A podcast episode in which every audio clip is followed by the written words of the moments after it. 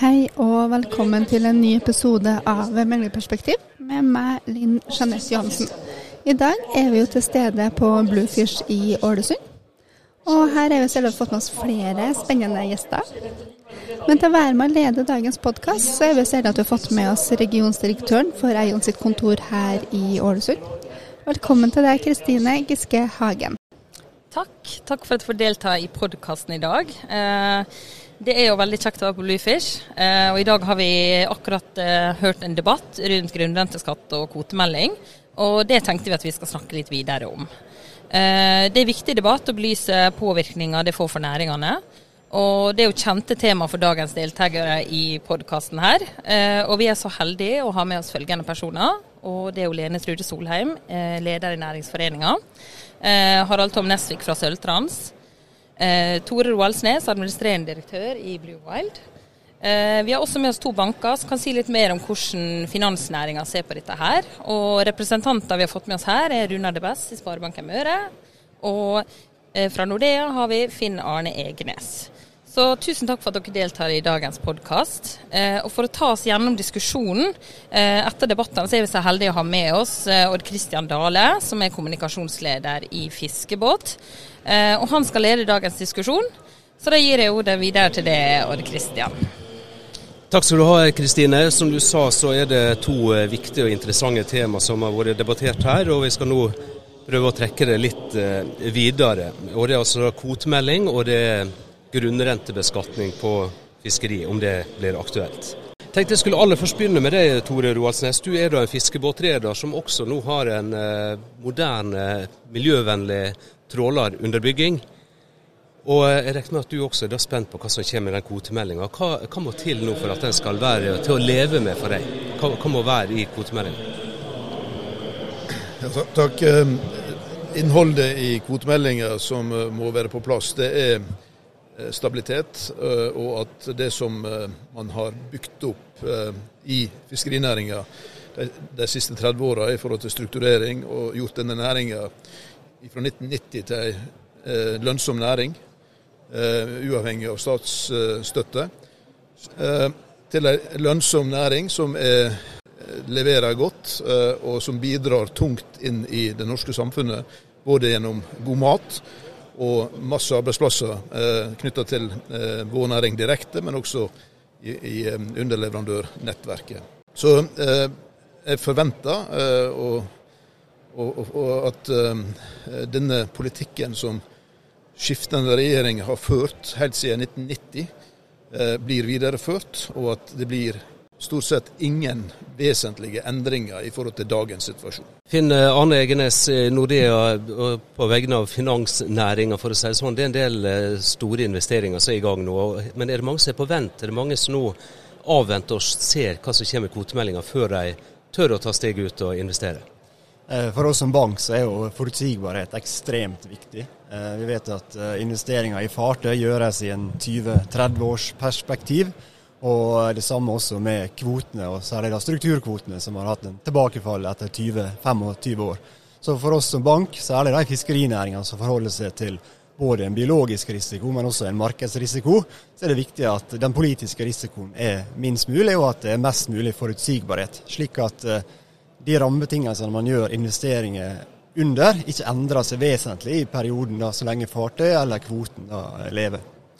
Vi må kanskje presisere akkurat med strukturkvoter, for det er ikke nødvendigvis alle som hører på som er helt familiære med det. Men kan du kort forklare hva, hva det går ut på, tilbakefall etter 25 år, som du var inne på? Eh, nei, det er slik at Hvis man kjøper en kvote fra en, et annet fiskebåtrederi, så har man den over en viss periode. Eh, og Når den kvoten da løper ut, så skal den da, slik situasjonen er i dag, refordeles til de fartøyene som er i samme gruppe. Da. Så Hvis det er en torsketrålreder kjøper kvote hos en annen reder, så har den gitt varighet, og så skal den refordeles da tilbake til alle eh, de torsketrålrederne som eksisterer. Så vi kan si at det er en lånt kapital du har da i en gitt periode? Det kan man si. Ja. Eh, Runar Debess, du også er da, du fra Sparebanken Møre, men representerer også da banknæringa. Det er da politikk dette går ut på. og eh, Det har vært pratet om kvotemeldinga i veldig mange år nå. og Den forrige ble det også sagt her, eh, ble lagt fram som et mageplask. Er det noe håp om at en kan få en politisk enighet som også vil vedvare utover denne stortingsperioden? Det er klart at Basert på den debatten vi hadde nå for ti minutter siden, så virker det som det er stor politisk enighet blant stortingsmedlemmene som er til stede her i dag. Så mye kan tyde på det. da. Tore Roaldsnes, hva tenker du om det? Er, det? er, du trygg på at det nå blir en, eh, et flertallsvedtak som vil kunne stå seg over tid? Eh, nei, det er ikke. Eh, vi har ei regjering bestående av Senterpartiet og Arbeiderpartiet. Og jeg tror at Skjæran ønsker et, et bredt kompromiss til å få ei, ei, noe som står seg. Men eh, eh, dagens regjering lener seg tungt på eh, SV og andre eh, ytterligere eh, til venstre. Og er redd for at man eh, ikke oppnår den tverrpolitiske enheten som vi er avhengig av. Og at man går til venstre og, og får et resultat som, som næringa ikke er tjent med. Da er jeg redd for at man om relativt eller etter neste valg så begynner man på kvotemelding 3.0. Og Det er det ingen som ønsker.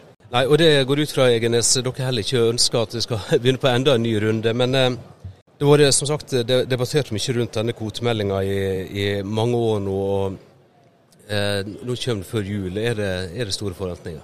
Nei, det har ikke vi noen voldsomme tanker om. Vi forholder oss til eh, dagens politikk, og så tar vi til etterretning når det kommer en ny eh, melding fra men det, det, ble også sagt at uh, omfordeling av kvoter mellom store og små, er det en risiko som ligger der, eller er det, ja, det, er klart, det, det, det går litt tilbake til det vi snakka om innledningsvis i forhold til forutsigbarhet. Det gjelder jo både tilbakefall av strukturkvotene, som du forklarte litt, men også det at det ligger en fast fordeling mellom kyst og flå, som kystflåten og havfiskeflåten, som gir en størst mulig grad av forutsigbarhet for hele næringa, og også da bank- og finansnæringa som inne og finansierer mye av kjøpet både av fartøy og av fiskekvoter. Vi skal straks bevege oss over på, på skatten, men Runar Bess, eh, kvotemeldinga hadde som intensjon å få et enklere system. og Det er jo ingen tvil om at dette her er veldig komplekst. Fiskeripolitikk er kanskje noe av det mest komplekse en kan drive med. Eh, tror du at politikerne nå greier å få det enklere, sånn at det blir både lettere å administrere og lettere å forstå? Nei, dessverre. Det tror jeg ikke. Eh, det, det, altså systemet i utgangspunktet er så kompliserte at det å gjennomføre forenklinger, det, det er krevende. og Gjør man forenklinger, så får det konsekvenser for ulike aktører. Så, og da, da, stopper dette her opp. da. Bare en liten, en liten kommentar til det som Finn sier om, om, hva vi kan forvente oss av den neste strukturkontorordninga. Den eksisterende ordninga har jo tross alt vært en, en, veldig stor suksess. må man kunne si. Den har bidratt til god lønnsomhet eh, i, i, mange år for flåten. Iallfall hvis du ser på de innlederne som vi hadde i dag, og de signalene som, I den grad du kan få signaler fra, fra statsråden, så er det mye som tyder på at de store endringene skal ikke finne sted. Og Det som jeg tenker på er mest vesentlig, det er dette med tilbakefall av strukturkvote til fartøygruppene vi er tatt ut av. Det er helt essensielt. Det, det, det, ligger til grunn for mye av de vurderingene vi gjør når vi skal uh, vurdere prosjekt. for å si det slik. Rett og slett for at dere må vite at kapitalen ligger der og potensialet for, uh, for inntjening? Forutsigbarhet og stabilitet. Jeg vil bare skyte litt inn her også at uh, det er klart For bankene sin side så vet vi det at i takt med at strukturkvotene nærmer seg utløp og faller i verdi, så vil også grunnkvotene øke tilsvarende i verdi. Det gir en veldig forutsigbarhet for finansnæringa.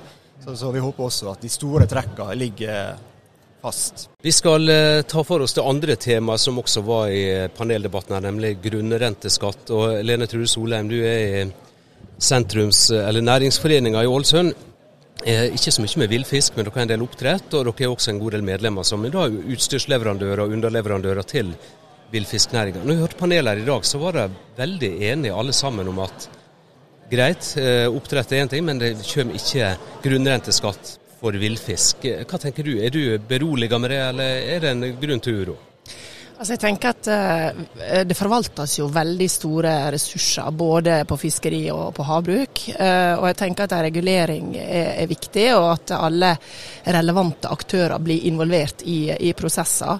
Uh, og Hvis vi tenker grunnrenteskatten spesielt, så er det tre ting jeg tenker som er, som er viktig å ta fram. og det Eh, det første er jo det med forutsigbarhet. Eh, vi har jo hatt en politikk og ganske, ganske brei tverrfaglighet og enighet i rammen egentlig både for fiskeri og havbruk i de siste 20 åra. Så den uforutsigbarheten som vi opplevde, og som hele næringa opplevde etter 28.9, det er det er alvorlig, og det er svært skadelig. og For det andre så går dette her utover evnen og, og investeringsevne og kapital eh, til å sette i gang nye prosjekt, til mer eh, gjerne eh, fiskevelferd og miljøprosjekt. Vi hørte fra scenen her at det blir jo skattlagt, enten det er fiskevelferd eller andre sånt, så blir det like hardt skattlagt. Og Det vi ser som en konsekvens av det, det er at en del av aktørene har enten stoppa opp sine investeringer, eller de investerer i utlandet. og Det er ikke bra for, for Kyst-Norge. Uh, og det tredje det er måten en har valgt å løse det på i forhold til uh, økt byråkratisering. Vi trenger ikke flere by byråkrater i AS Norge. Det er kommet forslag fra næringa sjøl i forhold til økt produksjonsavgift, en annen type innretning. Eh, og nå ser vi at man har laga et system som er ekstremt komplisert også for bedriftene å forholde seg til. Og det er totalt sett skadelig, og det er i hvert fall ikke bærekraftig. Runar det eh, skadelig for, for, næringslivet og de argumentene vi har hørt. Men hvis du går inn og ser på de økonomiske realitetene her, er det grunnlag for en eh, grunnrenteskatt i, for villfisk? Skatteutvalget som eh, la fram sin rapport eh, for noen måneder siden, sa at dette bør utgreies. Men er det, er det, grunnlag rent økonomisk? Altså hvis, du, hvis du går inn i porteføljene til bankene og ser på enkeltprosjekter, og sånne ting, så det er ikke mange prosjekt der som går med superprofitt som skal gi grunnlag for grunnrente. Du må få lete en stund etter dem. Så, så veldig mange rederi som, som, kan bidra med det, det, det ser ikke vi. da. Egenes, er du enig i det, eller ser du noen skjær i sjøen her? Nei, det er akkurat det jeg vil ikke uttale meg om. Vi snakker litt om uh, forutsigbarhet i forhold til kvotemeldinga. Det som er interessant for oss i banken i forhold til grunnrenteskatten, grunnrenteskatten, er jo én kontantstrømmen, som skal betjene de låna lånene man har i banken. Og så er det det her med sikkerhetsverdier. Og det er klart En grunnrenteskatt det vil ta ned kontantstrømmen til fiskebåtrederiene. Gjøre at man har mindre muligheter bl.a. til investering for å være et karbonnøytralt samfunn frem mot 2050. Og så vil det også ta ned eh, sikkerhetsverdiene som bankene har som sikkerhet dersom noe skulle gå galt. Så, så Her er jo litt innenfor det vi sier med forutsigbarhet. En grunnrenteskatten har en så stor effekt på eh, kontantstrømmen, som er viktig for bank- og finansnæringa, at det skaper økt eh, usikkerhet. Og der kan vi jo legge til da, at I tillegg til det så har du fått økningene i formuesskatten og økt arbeidsgiveravgift. Så totalt så er det en relativt giftig cocktail for, for mange små og mellomstore aktører. Og, og Da kaster jeg ballen til deg, Tore Roaldsnes. Som, som jeg sa innledningsvis, du har da en moderne, miljøvennlig tråler under bygging med all mulig moderne teknologi. Men det er vel det totale skattetrykket, avgiftstrykket, som til sjuende og sist betyr noe for deg. Men eh, hvordan ser du på den grunnrenteskatten i forhold til CO2-avgift og andre ting som eh, også ligger der og, og ulmer? Ja, sånn, jeg forholder meg til at det å forbrenne karbon og, og, produsere CO2 uh, vil bli dyrere og dyrere for å presse næringsaktørene over til grønne løsninger. Og, og, Enten så må vi leve med en veldig høy oljepris, eh, men den blir helt sikkert supplert med tunge miljøavgifter, som vi ser hvordan de øker både i NOx-avgift og CO2-avgift nå. Og Dette eh, eh, er et regime som, som er der, og det maler hvert år. Det blir økninger, og sånn vil det være det, det, er pisken, og så har vi gulrota eh, som NOx-fondet har. Og eh, vi ønsker et, et CO2-fond som gjør at de som ønsker å, å, å ha mulighet til å investere i bedre teknologi, får midler fra dette CO2-fondet til å realisere de investeringene.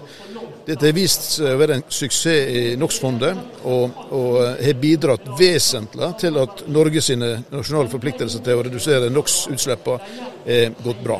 Lene Solheim, det ble referert til under debatten her at uh, Senterpartiet sin representant Klinge for, uh, for en uke siden sa at hun var vaksinert mot grunnrenteskatt etter at det er innført i laksenæringa. Eh, tror du det ligger noe i det? altså er politikere, Har det vært så mye støy rundt denne såkalte lakseskatten at det nå uansett ligger på vent?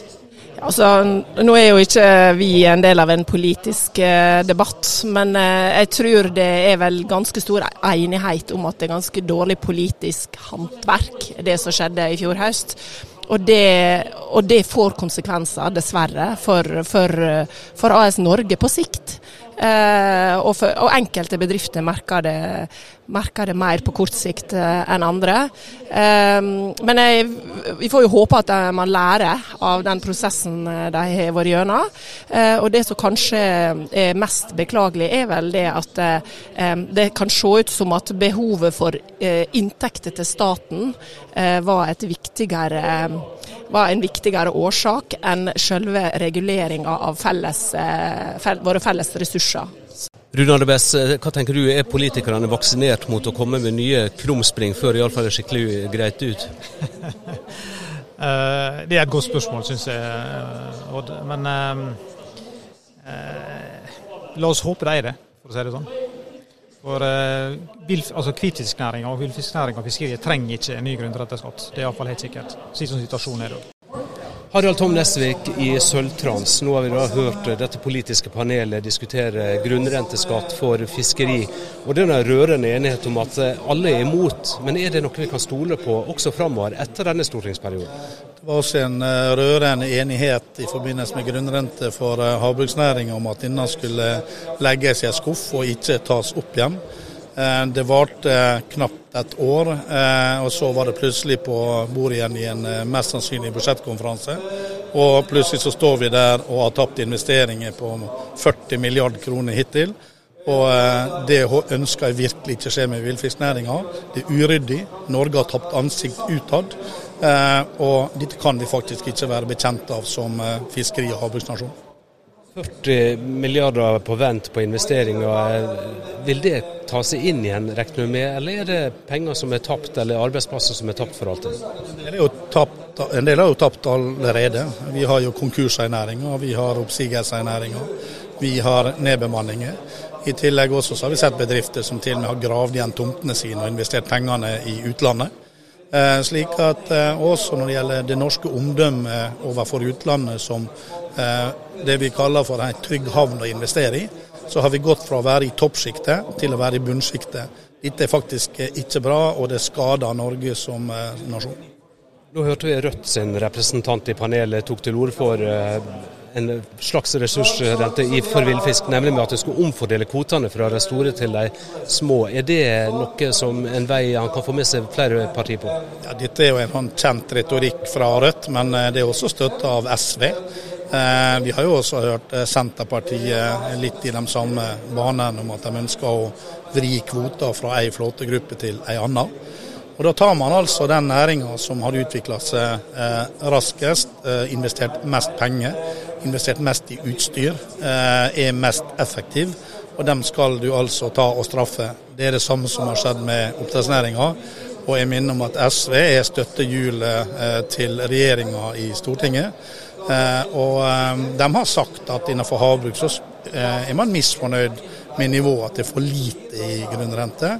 Eh, la oss håpe at alle de andre partiene på Stortinget klarer å stå imot og ikke innføre grunnrente på villfisknæringa.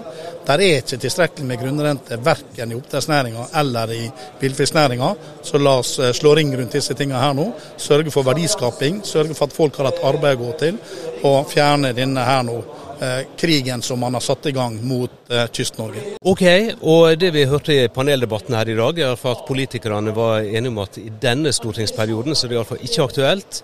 Eh, de politiske lovnader bruker å gjelde en stortingsperiode til det kommer nye partiprogram, og hva som kommer der vil da vise seg etter hvert. Tusen takk til alle sammen som deltok i dag. Utrolig spennende tema. Jeg tror ikke vi er ferdig med denne diskusjonen enda, så jeg gleder meg til å se utfallet her.